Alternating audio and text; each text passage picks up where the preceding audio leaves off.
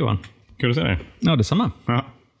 Så jag nästan eh, ser ut som en kille som är klar att åka och döma baseball-EM. Mm. Är du det? Nej, inte riktigt. Ja. Men jag har eh, ägnat förmiddagen åt att tvätta och skrubba lite grejer. Ska packa imorgon. Sen är det bara att dra. Det ska bli jävligt spännande. Vad, vad kommer hända? Berätta. Eh, Jag kommer flyga ner till Wien och sen blir jag upplockad av arrangörerna. Som eh, kommer från ett ställe som heter Trnava i Slovakien. Slovakien, okej. Och sen så är jag eh, i deras våld höll jag på att säga. Nej men jag, de har fixat boende och transporter och mat och allting. Sen vet jag inte så mycket mer. Det finns ett spelschema men jag har ingen aning om hur många matcher som jag kommer att döma eller inte. Nej, okej. Och jag vet inte hur logistiken kommer att gå till men jag tänker att det löser sig. Det låter ju nästan lite farligt slash äventyrligt att bara ta sig ner till Wien och sen bli upplockad av... Ja. eh, Jag har ju varit, eh, jag tänkte mycket på det i början. Att jag var, jag var så nervös för att jag hade inte kontroll inom citattecken på vad som skulle hända. Mm. Men eh, sen har jag väl tack vare de verktygen som jag fått i tolvstegsprogrammet också kunnat bara släppa taget om det där. Mm. Och bara tänka att ja, men det, blir, det blir säkert jättebra. Mm. Och så har jag också varit nervös för min egen prestation. Mm. Och så tänker jag att ja, men jag kan ju det här på hemmaplan. Borde ju inte vara någon skillnad. Det finns väl en anledning till varför du är där? Ja, exakt. Mm. Så att eh, när det ska bli, nu, nu, nu är jag bara så här spänd förväntan Mm. över hur det här kommer att bli.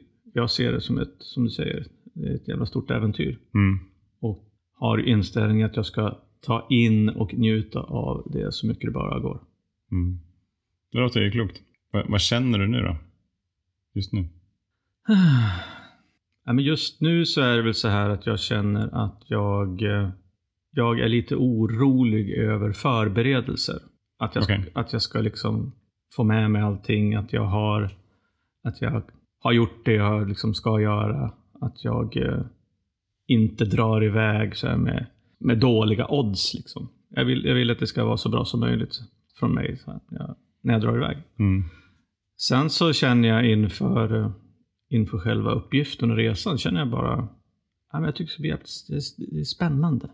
Känner mig lite nervös, men också samtidigt eh, förväntansfull. Så Ja, jag, ja. det är ett ganska bra läge. Jag menar förberedelser och det kommer ju lösa sig. Men det är ju som min, jag har ju pratat tidigare om att jag nästan behöver oroa mig för att få Ja, saker och ting gjorda. Så att jag känner att det är väl, det är väl bara det. Mm. Det ska inte vara något. Det är ju ingenting som, ingenting som jag inte har eller som saknas eller som inte kommer bli klart. Så att, Glöm inte passet. nej, exakt. Tack. Det som man kanske skulle kalla, kunna kalla för resfeber lite grann. Ja. Själv då? Hur känner du så Ja. här dagarna innan? ja men precis. Det var anledningen till varför jag frågade hur du känner. Jag var på ett, jag var på ett möte, ett tolvstegsmöte här på förmiddagen. Och kände att ja, men jag var tvungen att dela om en grej på mötet. Mhm. Och det var att jag... Det det är en väldigt annorlunda period i livet. Vi har en dotter som kommer här vilken dag som helst. Mhm. Och i takt med det så, eh, så håller jag på att avsluta saker på jobbet. Knyter ihop en massa lösa trådar som jag, som jag vill eh, knyta ihop. För att vi då ska vara hemma tillsammans de första fem månaderna. Ja, men om man tar liksom jobb, jobbdelen först så har det varit, det har varit väldigt fint. Det har varit jättefin kontakt med kunder. Det var så här, projekt som avslutats. Det har gått jättebra. Folk är nöjda. Och igår hade vi en, en sommarfest med jobbet. Fick eh, jättemycket kärlek av eh, kollegorna och så här. Allt är liksom på topp. Verkligen. Men, men känslan liksom matchar inte den, den förväntningen som jag har på vad jag borde känna när liksom alla de där kriterierna är på topp. Det är nästan så att jag känner att jag borde vara mer glad. Mm. Jag borde vara mer tacksam över att det har gått så bra under våren och att jag får möjlighet att vara hemma med Josefina de här fem månaderna. Mm. Men jag känner inte det riktigt. Inte just nu. Jag tror att jag kommer göra det, men det, det, det är som att jag... Det, det är något känslogap där. Ja, eller är det det?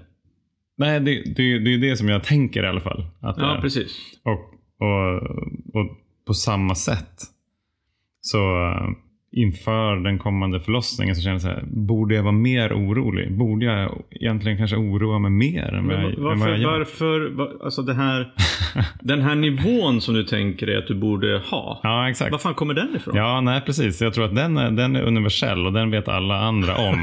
Det är bara...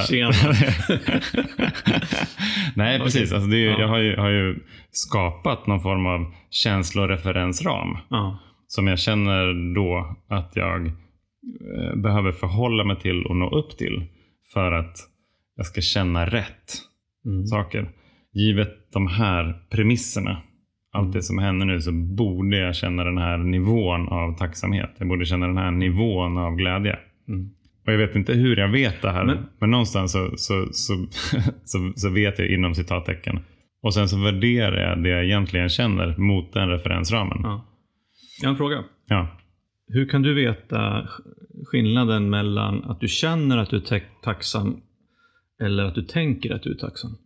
Ja, men jag, jag, det vet jag inte riktigt. Men det, det jag tänker är så här, jag, jag tänker att jag borde vara mer tacksam. Ja, precis. Det, det är det jag tänker just nu. Men för, jag, tänker för att, för jag, jag tänker så här. Du tänker att du vet hur den här känslan ska kännas. Alltså Ja, med precis. det rationella tänkandet så försöker du frammana någon bild av hur en känsla ska vara. Mm. Ja, precis. Går det ens? Jag vet inte, men eh, det, det, det spelar ju ingen roll. jag säga. Det gör det ju också. Ja. Men, men jag har ju jag har ju känt jag har ju, jag har ju erfarenhet av att ha känt sådana känslor. Tänker jag. Så jag har ju, jag har ju också någon form av erfarenhetsbibliotek av känslor. Tänker jag, ja, men den, den styrkan och liksom den intensiteten och liksom så här länge kanske. Eller, ja, det är såklart bara en, en helt eh, fabricerad bild av något, någon, någon ideal, eh, något, något idealtillstånd kanske. Som, som jag inte vet om det är uppnåeligt. Och egentligen så är det inte det som är viktigt. Men, men just nu så, så det, det jag gör är att jag slår ju på mig själv lite grann. Ja, för att jag inte känner rätt saker. Ja. Och, och, och då kan jag ju istället också gå in i oro för att ah, vad, vad, är, vad är det för fel på mig? Varför känner jag inte rätt saker här? Har jag blivit helt känslokall? Ja. Eh, det är ungefär som att jag har, skrev det på mötet när jag delade, att det är ungefär som att jag har klippt av eh, eh, något frekvensband liksom. Och så känner jag inte liksom dalarna eller topparna. Så brukar jag göra när jag, när jag redigerar Alkispodden. Ja, just det. Ja, men jag klipper ju av pikar och toppar. Mm. Bara för att det ska bli mer behagligt att lyssna på. Så att de här jävla pikarna och topparna, de kan ju bara vara störande ibland. Ja, ja. Det är kanske därför. Det är bra om man är lite jämn i humöret. I känslan. Jag tror ju också, alltså det, jag, insåg ju när jag, när jag delade om det på mötet så började jag skratta åt mig själv för jag hörde ju hur jävla sinnessjukt eh, det låter. Och på ett sätt så kan jag ju kontrollera det jag känner genom att försöka tänka på andra saker. Men på ett annat sätt så har jag ingen kontroll över det jag känner eftersom det inte är jag som styr liksom kopplingen mellan tanke och känsla. Nej, precis. Det där är jävligt... Jag kom på en grej som jag tänkte, som inte jag funderat på tidigare, som är jävligt spännande. Berätta. Jo, men så här. Jag tänker på känslor nu och känslor i, i, nej, i det aktiva livet. Mm. Och oftast när jag säger att jag var känslostyrd så betydde det eh, de flesta gånger att jag det var ganska negativa känslor. Ångest eller Mm. rädsla eller ilska eller harm eller att jag var, kände mig kränkt eller vad det var. Mm. Och de känslorna hade ju, fick ju konsekvenser. Mm. Som vadå till exempel? Ja, men att, att om jag var kränkt så blev jag, liksom, jag kanske blev fientlig eller aggressiv. Mm. Alltså gentemot andra människor. Om jag hade, fick ångest eller var deprimerad så kanske jag isolerade mig själv. Och då, då så tänker jag så här att de här, jag kan väldigt lite om det som du är inne på, just kopplingen mellan tanke och känsla och, och kemi i hjärnan. Och, Mm. så att eh, jag kanske trampar lite grann i klaveret här, men vem fan bryr sig? Kör på. Det, Ja. det, Nej, men jag, jag tänker så här, de här positiva känslorna då, som tacksamhet och eh, ja, glädje. Eh, Mm. känslan av att allting är på topp. Att eh, fan, jag är så nöjd med och lycklig med att jag, där jag är här och nu. Vad får de för konsekvenser? Vad leder de till för tankar, andra känslor eller handlingar? Mm. Ja, just det. För att i min värld så kan jag säga att det finns en sån här obalans i känslor som leder till handling. Det säga att många av mina negativa känslor leder till negativa handlingar. Mm. Medan många av mina de positiva känslorna leder inte så jättemycket till handling för mig. Nej, utan okej. kanske bara till en känsla av ja, men välbefinnande eller oj, det här, nu känner jag mig bra. Och det tycker jag den här obalansen mellan handling på negativa känslor. För det är ofta det, det har vi pratat om ganska Mm. mycket. Till exempel i förra avsnittet. Eller förra, förra, när vi, när vi pratade om i avsnittet som handlade om storkonsument eller alkoholist. Ja. Alltså hur jag som drickare eller alkoholist beter mig om jag inte får dricka till exempel. Mm. Och då känner jag en massa av de här negativa känslorna. Och då blir jag irriterad eller förbannad eller aggressiv. Medan de här, för mig har det, var, äh, har det varit så, och jag funderar på om det fortfarande är så att de positiva, de här lyckokänslorna som du pratar om Mm. nu, att du tycker att du borde känna mer av. Mm. Att de för mig inte på samma sätt har varit direkt kopplade till handlingar. Nej, just det. För att handlingar i det här fallet skulle ju kunna vara att man, man blir mer eh, glad. Man visar sig gladare gentemot Mm. omvärlden. Man hjälper till. Man kanske blir mer hänsynsfull. Man tycker man kommer hem med ett leende på läpparna istället för sur-Ove. som kom- Sur-Ove. Mm. Ja, alltså massor med sådana grejer som, som där folk, eller det borde vara så att omgivningen på samma sätt som när man blir förbannad för att man har negativa känslor, Mm. borde kunna se, märka och ta emot att vad glad Men du det- är, men det- vad lycklig du verkar. Men det, det tror jag vi gör. Ja, det är möjligt. Det, det gör vi. Alltså jag, jag tror verkligen att vi påverkas av vår, liksom, andras tillstånd. Även fast, jag menar, när vi sitter och pratar mm. så märker jag på dig ganska snabbt om du är eh, sur eller eh, om du känner dig kränkt när du kommer in eller om du är ganska tillfreds. Ja. Även fast du kanske inte har gjort någonting Nej, än. precis. Och så kan det ju vara. Och det är väl det att, att de här handlingarna som, som är resultat av negativa känslor kanske är mer uppenbara.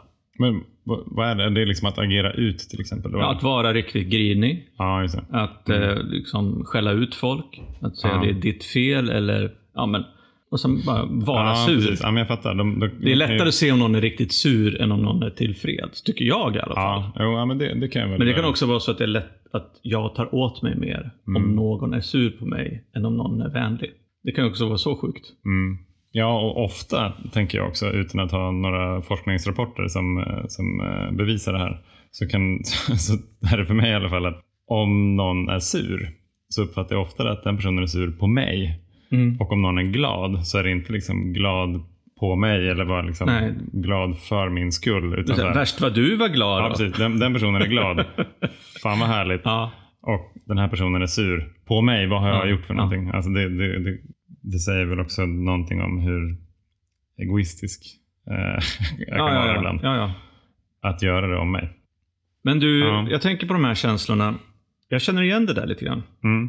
Jag eh, tror jag pratat om det här tidigare i, i, i podden. Att jag fick ju för mig under min aktiva period att, att jag inte hade någon empati överhuvudtaget. Att inte jag hade förmåga att känna em- empati. Att du inte hade den eller att du hade tappat den? Nej, det vet jag inte. Nej. Nej, men det var så, jag, var, jag var mestadels likgiltig inför andra människors öden och eh, Ja. för liksom, situationer. Jaha. Ja, just det. Om jag for ut i känslostormar Ja. så var det oftast åt det negativa hållet. Mm. Alltså lättare att agera på negativa känslor och vara i dem. Mm. Och eh, ja, men tycka synd om mig själv, ta på mig offerkoftan, eh, tycka att jag är värd bättre, bla bla bla. bla, bla. Mm. Sen kanske det var så att jag, jag hade försatt mig själv mentalt in i en situation där jag, där jag inte tyckte jag hade så mycket som var positivt. Fast jag hade det. Mm. Eller, och har det. Så att eh, jag var nog ganska, ja men på den positiva känsloskalan så var jag liksom, jag var jävligt likgiltig. Mm. Det gick bra på jobbet. Ja.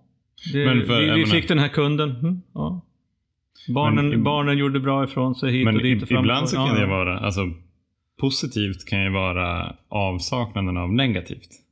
Också, är du med? Ja, jag är med. Fast... Eh, nej, men jag känner nog att det var liksom... Men det var liksom märkbart för dig? nog? Ja, jag hade... Ja. Jag hade, hade för sig, om, om, om du drog det så långt att du Ja. tänkte att du inte hade någon empati. Fast jag tror också att det var så här, vi pratade om det att man ska vara så jävla unik och speciell. Ja, just det. Ja. Jag tror också att det var... Jag tyckte nog att det var lite det här låter jävligt konstigt, men lite coolt Ja. att vara en snubbe som inte har någon empati. ja. Jag, bara, jag, så här, jag kanske är sociopat. För jag, jag är medveten om... Säg att du var det då. Eller jag kanske är det. Ja, men, ja, men om, vi, om, vi, om vi ponerar att du, Ja. att du skulle vara det. Du kommer fram till att här, jag är ju sociopat. Ja. Vad hade du gjort då? ja jag vet inte. Hade du Alltså, liksom på tagit den tiden- tillfället i akt? Liksom, Ja, men alltså på, på den tiden som eh, när jag drack. ja. Då hade jag ju lite... Då, då var jag lite medveten om ändå att jag, att jag... Att människor runt omkring mig inte riktigt hade den uppfattningen om mig själv som jag hade. Det vill säga att jag hade att jag funderade Mm. på om jag var sociopat, att jag inte Mm. hade någon empati, att jag inte brydde mig om andra människor, att jag bara var ett stort monster och hade, hade ett stort svart hål inuti. Mm. Så att jag hade kanske bara lagt det till liksom, eh, på, på, på mitt liksom, sjuka CV. Och tyckte att ytterligare en hemlighet som inte jag behöver dela med mig av till världen. Alkis-CVt. Ja, och så, då tänker jag så här att, att och jag hade nog kunnat använt de här påhittade eller själv, själv eh, uppfyllda prognoserna eller diagnoserna till att liksom kunna förklara eventuellt dåligt beteende. Ja, just det. Nej, men jag är ju sociopat. Det är lite grann som, eh, som eh, omgiven av idioter. Ja, ja, men jag är ju röd. ja Så att, eh, exakt. ja. Eller jag, är, jag är ju alkis så det är okej, jag måste fortsätta dricka. Mm. Mm. Ja, precis. Ja, för det, Ja, det är intressant. liksom det här att, att använda sig av känslor. Eller vad det nu är. Mm. På, alltså på olika sätt. Och det skiljer sig ju väldigt, väldigt mycket mellan hur det var då och hur det är idag. Idag så, fan alltså jag var, jag var mycket mer själv, eh, dels destruktiv men också analyserande och eh, ja, men jag, var- jag var mer jag var taktisk Mm. när jag, när jag var aktiv. Alltså jag, jag funderade mycket på mina såna här, ja, men dåliga grejer men tyckte ändå liksom att det gick att lösa. Idag funderar jag inte så jävla mycket. Nej. Jag, jag är liksom mest i, i nuet och blir jag sur så blir jag sur och då kanske jag då kanske jag kommer på mig själv och då försöker jag ta mig ur det eller blir jag glad så, så blir jag glad. Liksom. Mm. Men jag är betydligt mer i nuet. Men det är ju egentligen, alltså i sig är det ju inte något konstigt att vara sur. Nej. Alltså ibland man blir ju sura. Det är ju frågan om varför jag blir sur. Ja, och hur jag väljer att eh, Hantera det. hantera det. Ja, Ja, precis. Ja. men vad... vad... Ja, men själva upprinnelsen till, Ja. till, till det här, förutom ett barn på väg, är också att jag i torsdags så var jag på en, jag på en pappaföreläsning. Mm. Och det var väldigt bra. Det var en, eh, en fantastisk trevlig man som hette Nils Pettersson. Som hade väl haft pappagrupper, pappaföreläsningar för ungefär 4000 Mm. eh, blivande eller precis nyblivna pappor. Mm. Och hade också tre egna barn själv. Mm. Jag tänker att det är en förutsättning för att kunna prata om föräldraskap, att man har egna barn. Mm. Ungefär som att vi inte skulle vara alkoholister och sitta i en podd som heter Alkispodden. Men det hade han i alla fall. Och det var extremt lärorikt. Och det var också det var ganska avväpnande kanske. Många av de här sakerna som jag har funderat på fick man liksom bara, man fick inte svaret utan bara, ja, vi får väl se liksom hur du känner då. Eller så här. Det, det finns inget, eh, hur, hur kommer det bli första tiden? Ingen aning. Det beror väl helt på liksom, hur det har gått. Ja, sådär. Men en sak som vi pratade om var, hur kommer det att kännas efter förlossningen? Vilken eh, intressant fråga. Och då, då tänkte jag så här, ja men nu ska jag vara smart här. Så här alkis-smart. Mm. Och så, så svarade jag, ja men jag tror att jag kommer känna mycket. Jag vet inte liksom vad jag kommer känna. Kanske glädje, kanske oro, kanske någonting annat. Men jag tror jag kommer känna mycket. Eh, jag tänkte nu har jag liksom hittat det perfekta svaret här. Men det var det inte såklart. Utan han sa så här, ja, eller så känner du ingenting. Och den hade jag inte riktigt eh, haft på radarn. Jag tänkte så här, någonting kommer jag ju att känna. Men som, som med allt annat som, som jag och antar jag andra går igenom också, så vet vi ju inte. Det som är lite mer fascinerande i det, det är nog snarare liksom anknytningen Mm. mellan förälder och barn. För det är ändå liksom någonting som är biologiskt ganska starkt. Ja, det är det. Som att, att få det här barnet att överleva och liksom skydda det. Och liksom barnet i sin tur har ju någon, söker ju efter det skyddet som barnet behöver för sin överlevnad. Så så här, i, jag tror att det är i den kopplingen, den processen, Mm. som det är mest ehm, som är mest fascinerad egentligen. Mm. Sen så, sen så um, ja, men det är ju extremt svårt att veta liksom vad, vad som kommer att kännas. Det är liksom, har jag ingen aning. En annan sak som, eh, jag vet inte om jag pratade om det i podden, men när jag gjorde fjärde femte steget så hade jag också någon bild av att så här kommer det att kännas Mm. när jag har gjort femte steget, tror jag vi pratade om. Och så gjorde det inte det. Mm. Då kände jag mig liksom lite snuvad på hela på, liksom, på upplevelsen någonstans. Men, men det är så här, ja, fast liksom alla upplevelser är ju helt unika. Det var ju bara att jag själv hade skapat Mm. en, en idealbild av så här ska det kännas för att det ska vara rätt. Men så var det inte. Och, och efter, efter en dag så insåg jag ju det. Mm. Då var det så här, ja, men jävlar vilken, vilken häftig upplevelse ändå. Liksom Mm. Att ha gjort den här processen. Så då kunde jag känna tacksamhet över det. Mm. Och att det inte var, för det, det, egentligen så är det ganska pundigt. att tänka att jag gör alla de här grejerna. Mm. Jag sitter och skriver lista och här, sida, sida upp och sida ner. För att snart få känna det här. Det är Mm. ungefär som en fix. Ju. Ja, ja, ja. Och jag gör det för det. Mm. Inte för att jag behöver göra det här för min egen skull. Vad som sen känns. Det har jag ingen kontroll över. Så att det, jag säger inte att man inte ska ha några förväntningar överhuvudtaget. Men, men frågan är ju hur styrda jag är av mina förväntningar. Mm. För det säger någonting om varför jag gör saker. Jag skulle också kunna säga kring fjärde, femte steget. Ja, jag, jag tror att jag behöver göra det här för att ehm, jag tror att det är det bästa för mig. För att jag ska komma vidare i min utveckling. Och sen så var liksom var, var något form av känslomässigt en, en känslomässig feedback på det här. Ja, det har jag ju verkligen ingen kontroll över. Nej, men alltså jag tycker att det där, nu när du har pratat om det, så tycker jag att det är ett jävligt fascinerande ja, tillstånd det här med känsla. Att, jag tänker på det, jag käkade lunch med mina ungar i, i går var det. Mm. Och eh, så känner så här plötsligt under lunchen att det är så jävla underbart att vara med dem. Där i stunden liksom. Mm.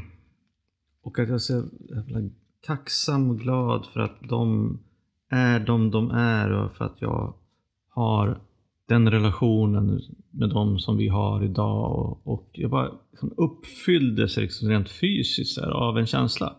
Mm. Som jag inte alls hade planerat att jag skulle känna. Jag Nej. hade inte förväntat mig att jag skulle känna den. Och jag hade inte blivit besviken om jag inte hade känt så. Men plötsligt Nej. så kom den bara. Så att just det där att hur fan hur, hur kan man hur kan jag vara för att istället för att jobba med förväntningar Mm. och kanske nå dem eller inte nå dem och bli besviken och kanske nöjd istället för Mm. att om jag uppnår mina förväntningar. Hur kan jag jobba för att istället uppleva känslan? Mm. Just det. Och Ja, precis. Och du, du, det är precis det du pratar om, eller hur? Liksom Mm. hur, kan man, hur kan man vara i nuet så att känslan faktiskt känns? Mm. Och det är den som man upplever och blir påverkad av. Istället för att man sitter och försöker pricka in Mm. eller hoppas att det ska kännas på det här sättet. Ja, precis. För nu, nu sitter jag egentligen och så här.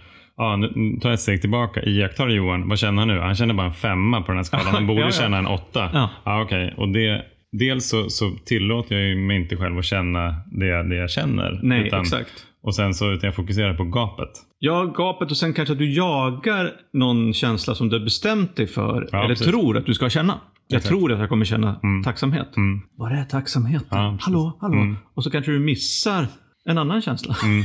Ja, men det, det är ungefär som att du skulle ha käkat lunch med dina barn. Ja. Bara för att Ja. få känna en stark känsla av tacksamhet. Ja. Minst en åtta. Ja. Ja. ja, exakt. Ja, så, så har jag fungerat de se- senaste dagarna, inser jag. Ja, fan det är knivigt det där alltså. Ändå, det som är roligt med det här att man bygger upp förväntningar. Och det här, jag brukar tjata om det här. Jag tycker som människan, eller jag framförallt kanske, och- andra människor är ju så jävla anpassningsbar. Så att när någonting har mm. hänt Mm. Så tar det väldigt kort tid innan det blir normaltillstånd. Ja, precis. Apropå det då. Ja. När du blev nykter, Ja. När blev nykterhet ett normaltillstånd för dig? Åh, ja, det är en jävligt bra fråga. Skulle ju vilja drämma till med husvagnarna igen, men jag tror inte Nej, men alltså rent sådär i stunden, så, alltså när jag kände varje dag, Mm. Så, så tänker jag så här att det gick ganska fort. Fast jag vet inte riktigt om det är sant. Därför att jag, eh, åtminstone det första året, så, så såg jag mig själv inte som normal. Som var nykter alkoholist. Nej, I sammanhang med andra människor. Då tyckte jag att jag behövde liksom maskera mig själv. Och låtsas vara någonting annat. Till exempel, Mm. jag var på ja, någon sån här näringslivsgala och ville ha alkoholfritt vin istället för ja, men vad det nu kan vara, läsk eller Mm. vatten. För att det inte skulle se ut som jag inte drack. Liksom. mm. Eh, Så då var det ju inte ett normaltillstånd. Och det här nu pratar vi ett halvår efter min, jag var nykter ungefär. Så att, Men hänger de ihop då, tänker du? ja, men jag, jag, ja, så det beror på hur, man, hur man definierar ett normaltillstånd. Men alltså att vara Ja, men- nykter eller att se det som... Ja, precis. Liksom att så här, ja, ja, ja, men nykter. Ja, att vara nykter är mitt nya normaltillstånd. Ja, men det gick ganska fort. Ja. Det känner jag. Vi har ju pratat lite löst om det. tror jag. Jag har ju aldrig haft... Jag hade ju aldrig direkt något jättesug eller något jätteproblem att hålla mig ifrån alkoholen när jag väl hade slutat. Mm. Alltså, jag har inte tagit några återfall ännu. Jag eh, drabbades inte av något supersug på det sättet. Så att, så att för mig gick det ganska fort att se mig själv som nykter. Mm. Både alltså rent eh, fysiskt, kemiskt, eh, men också ja, som inställning till, till livet. Mm. Jag funderar på om det är, det, jag har nog inte tänkt på det här innan, men jag säger det i alla fall. Ja. Från början så identifierade jag mig mycket med att jag inte drack. Ja. Det vill säga det var att jag inte Mm. gjorde någonting. Så då lät jag ändå drickandet definiera mig på något vis. Förut drack jag, nu dricker jag inte. Ja. Sen så efter ett tag, jag vet inte om det är liksom den här glidningen över från att jag inte får dricka eller kan dricka till att jag behöver inte dricka. Mm. Och då kanske man kommer in på husvagnar. Eh, liksom det, det blir lika relevant ja. som att inte vara husvagnsägare. Det, det är ingenting som jag går runt och tänker på. Nej. Och det kanske är, jag, jag tror att för min del så var det när jag insåg hur jävla häftigt det är att vara nykter. Jag så här, wow, fan jag ser ju på livet med helt andra ögon. Så här, oj, att jag får uppleva sådana här saker och få känna de här känslorna. Och, och ibland så var ju det läskigt. Såklart, eftersom det var nytt. Och så kunde jag ju, det, var- det var inte så att, att det var liksom en punkt och sen så kollade jag aldrig tillbaka och, och blev inte liksom blev inte igen den personen som inte fick dricka. Det, där hamnade jag ibland också. Men mer och mer sällan tror jag. Jag, jag tror också att det där är en viktig distinktion. Att när, när man går ifrån att vara en som har slutat dricka eller som inte dricker till att bli en nykter Ja. alkoholist. Nej, men jag är nykter. Mm. Någonstans måste man kanske lägga till det där att nej, men jag dricker inte. Men, men, men just det där att Ja, jag, jag valt, I vissa kontexter kanske. ja, jag har valt, eh, jag har valt, valt nykterhet istället för någonting annat. Och det, där är ju vi inte så. Jag känner att det kanske det, det tog nog eh, lite längre tid liksom att, att gå från det där, det där tillståndet som du pratar om. Att vara, Ja. vara Roger som har slutat dricka och som klarar av att vara spritfri eller, Mm, eller ja, drogfri. precis. Till att bli Roger som idag kan sitta och prata om ett nyktert liv tillsammans med dig och diskutera saker som inte där alkoholen egentligen inte har en plats eller spelar någon roll längre. Nej, precis. Det vore intressant om vi som egentligen kanske som samhälle kunde komma till ett läge där man kunde presentera sig som liksom Johan Nykter. Mm. Jaha, ja, vad härligt. Men det är så här, som att en vegetarian skulle, skulle presentera sig som ja, men jag är tillfrisknande köttätare. ja, just det. Nu, jag vet att det inte alls samma har med saken att göra, men just att ja, men jag är vegetarian. Jag är nykter. Ja. Jag är, jag är nykter alkoholist. Ja, men jag är köttfri, eh, eh, Köttfri vegetarian. köttfri eh, eh, matätare. Ja, just det. Alltså- matätare. Eller vad man ska säga. Mm. Så att, så att just för att man valt det ena så måste man, i vårt fall då, så måste det finnas en negation till alkoholen. Mm. Och det är ju viktigt för oss ändå för att vi ska kunna hålla oss tillfrisknande och jobba med oss själva. Att vi inte glömmer bort att den här alkoholen finns Nej, där. Liksom, att den kan ställa till skit om vi inte gör det vi ska. Mm. Eh, Men, Exakt, det, det, det har ju en funktionell poäng. Ja, det har det. Men eh, så länge man håller sig nära programmet och långt ifrån spriten så tycker inte jag att det, alkoholen egentligen spelar så stor roll. För mig. Nej, nej precis. Och, in, och inte för mig heller nu, men det gjorde ju verkligen det i början. För det var ju att, eh, att bekanta mig med samma gamla vanliga bekanta sammanhang på ett helt nytt sätt. Ja men Johan, hur ska du nu göra för att komma till rätta med din känsloperfektionism inför den stundande förlossningen och eh, anländandet av en liten ny varelse? Ja, alltså jag menar, dit, dit jag går instinktivt är att jag vill liksom dra upp det här eh, känsloramverket i Excel. så, jag kan, så jag kan följa progressionen. Ja, men du, du kan åtminstone ligga känslan. över mediankänslan eller Ja, någonting. precis. Så får vi se, det blir väl någon form av 3D-modell tror jag. Ja, eller ska ni bara försöka vara i stunden? Ja, precis. Det är ju, det är plan B. Vi får se hur, kom- hur komplex den här Excel-modellen blir. Det är, det är, det är en helt, det är en helt Ja. klart rimlig plan B i alla fall. Ja. Nej, jag tror, eh, jag tror att plan B nog är, blir plan A. Mm. Att försöka att bara vara här och nu. Jag och Josefin ska gå på dejt ikväll. Ja. Ska gå på Härligt. bio. Eh, Hur, hur, har, du några, har du några tips och tricks eller funderingar på hur man kan göra för att vara i nuet? Alltså några... Finns det några konkreta... Ja, vet du vad? Jag har handlingar. faktiskt eh, ett par saker som jag har kommit på de senaste veckorna. Mm. Dels att jag ger mig själv 10-15 minuter extra på morgonen så att jag kan gå Mm. till jobbet Mm. och inte behöva liksom, stressa och ta tunnelbanan. Mm. Det är det ena. Det andra är att inte ha, gå med, med hörlurarna i. Eller liksom känna att jag, måste, att jag måste vara effektiv och ta ett telefonmöte på vägen till jobbet när jag ändå har den här promenaden. Eller nu ska jag, nu ska jag se till att eh, lyssna på den här podden eller eh, om det inte är Alkispodden då såklart. Nej, men så här, att, att, Ja. att, att, kliva ifrån att jag, ska, så här, att jag måste multitaska. Utan bara, okej, vart är det jag går nu någonstans? Vad är det jag ser? Och bara tillåta det. Tillåta mig själv att med, med hjälp av mina sinnen ta in det som jag är med om. Och det, och det, det låter ju liksom så sjukt banalt egentligen. Men jag har jättesvårt att, eh, så här, men när jag väl kom på att jag skulle börja gå, ja men det var ju bra.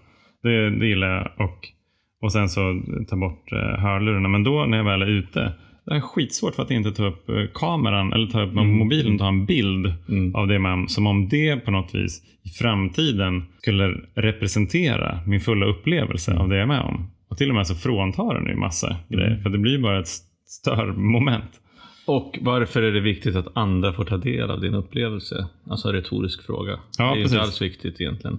Nej, nej, eh, precis. Det är ju inte det. Nej. Men en, en del av mig känner ju att det kanske inte har hänt. Eller Nej. att, att det inte, jag inte själv kan tillskriva den det värde som det har för mig. Utan att det, det blir bekräftat av andra. Precis. Ja, så gå i, om, i den utsträckning som man kan. Istället för att ta tunnelbana eller liksom så. Eller bilen eller vad det nu må vara. För att få en liten stund med sig själv utan de här jävla hörlurarna i öronen. Nej, men Vad tänker precis. Nej, men jag tänker så här att om man ger tid till sig själv och utrymme till sig själv så får man också tid och utrymme till sig själv. Alltså att lära sig att vara med sig själv. Jag tror, jag håller med, jag tror att det är väldigt viktigt. Att vara med sig själv utan att prestera någonting i stunden. Mm. Det kan vara en bra träning. Ja. Man vill inte ligga och sova eller kolla på Netflix utan att bara försöka vara med sig själv och fundera på vad tänker jag på nu? Vad Mm. ser jag? Vad Mm. är jag någonstans? Mm. Jag har blivit mycket, mycket bättre på det där. Jag, jag hade också, eller jag, jag var aktiv, väldigt mycket dagdrömmeri om att jag borde vara på något bättre ställe. Eller hur? Ja, exakt. Men, eh, nej, men det är väl en bra sammanfattning tänker jag på det här med att, eh, vad ska man nu kalla det för, vad vi pratar om? Att pricka rätt känsla. Mm. Precis, som om det fanns ett rätt. Ja, precis. Eller att eh, känna känslan istället för, för att eh, registrera känslan Mm. på någon skala. Mm. Ja, utvärdera. Utvärdera. Ja. Ja, jag tycker vi rundar av det här. Det känns rätt Ja, det känns fan rätt. att runda av Ja, avsnittet kring känslor här. Hoppas att det känns rätt för er också, Ja. kära lyssnare. och eh, i helgen som kommer så kan ni fundera på om ni kan ge er själv en stund att vara med er själva utan Mm. att göra någonting annat än att känna in nuet. Mm. Det ska jag försöka faktiskt. Mm. Ha en skön helg hörni. Mm. Kram! Kram. Hej då!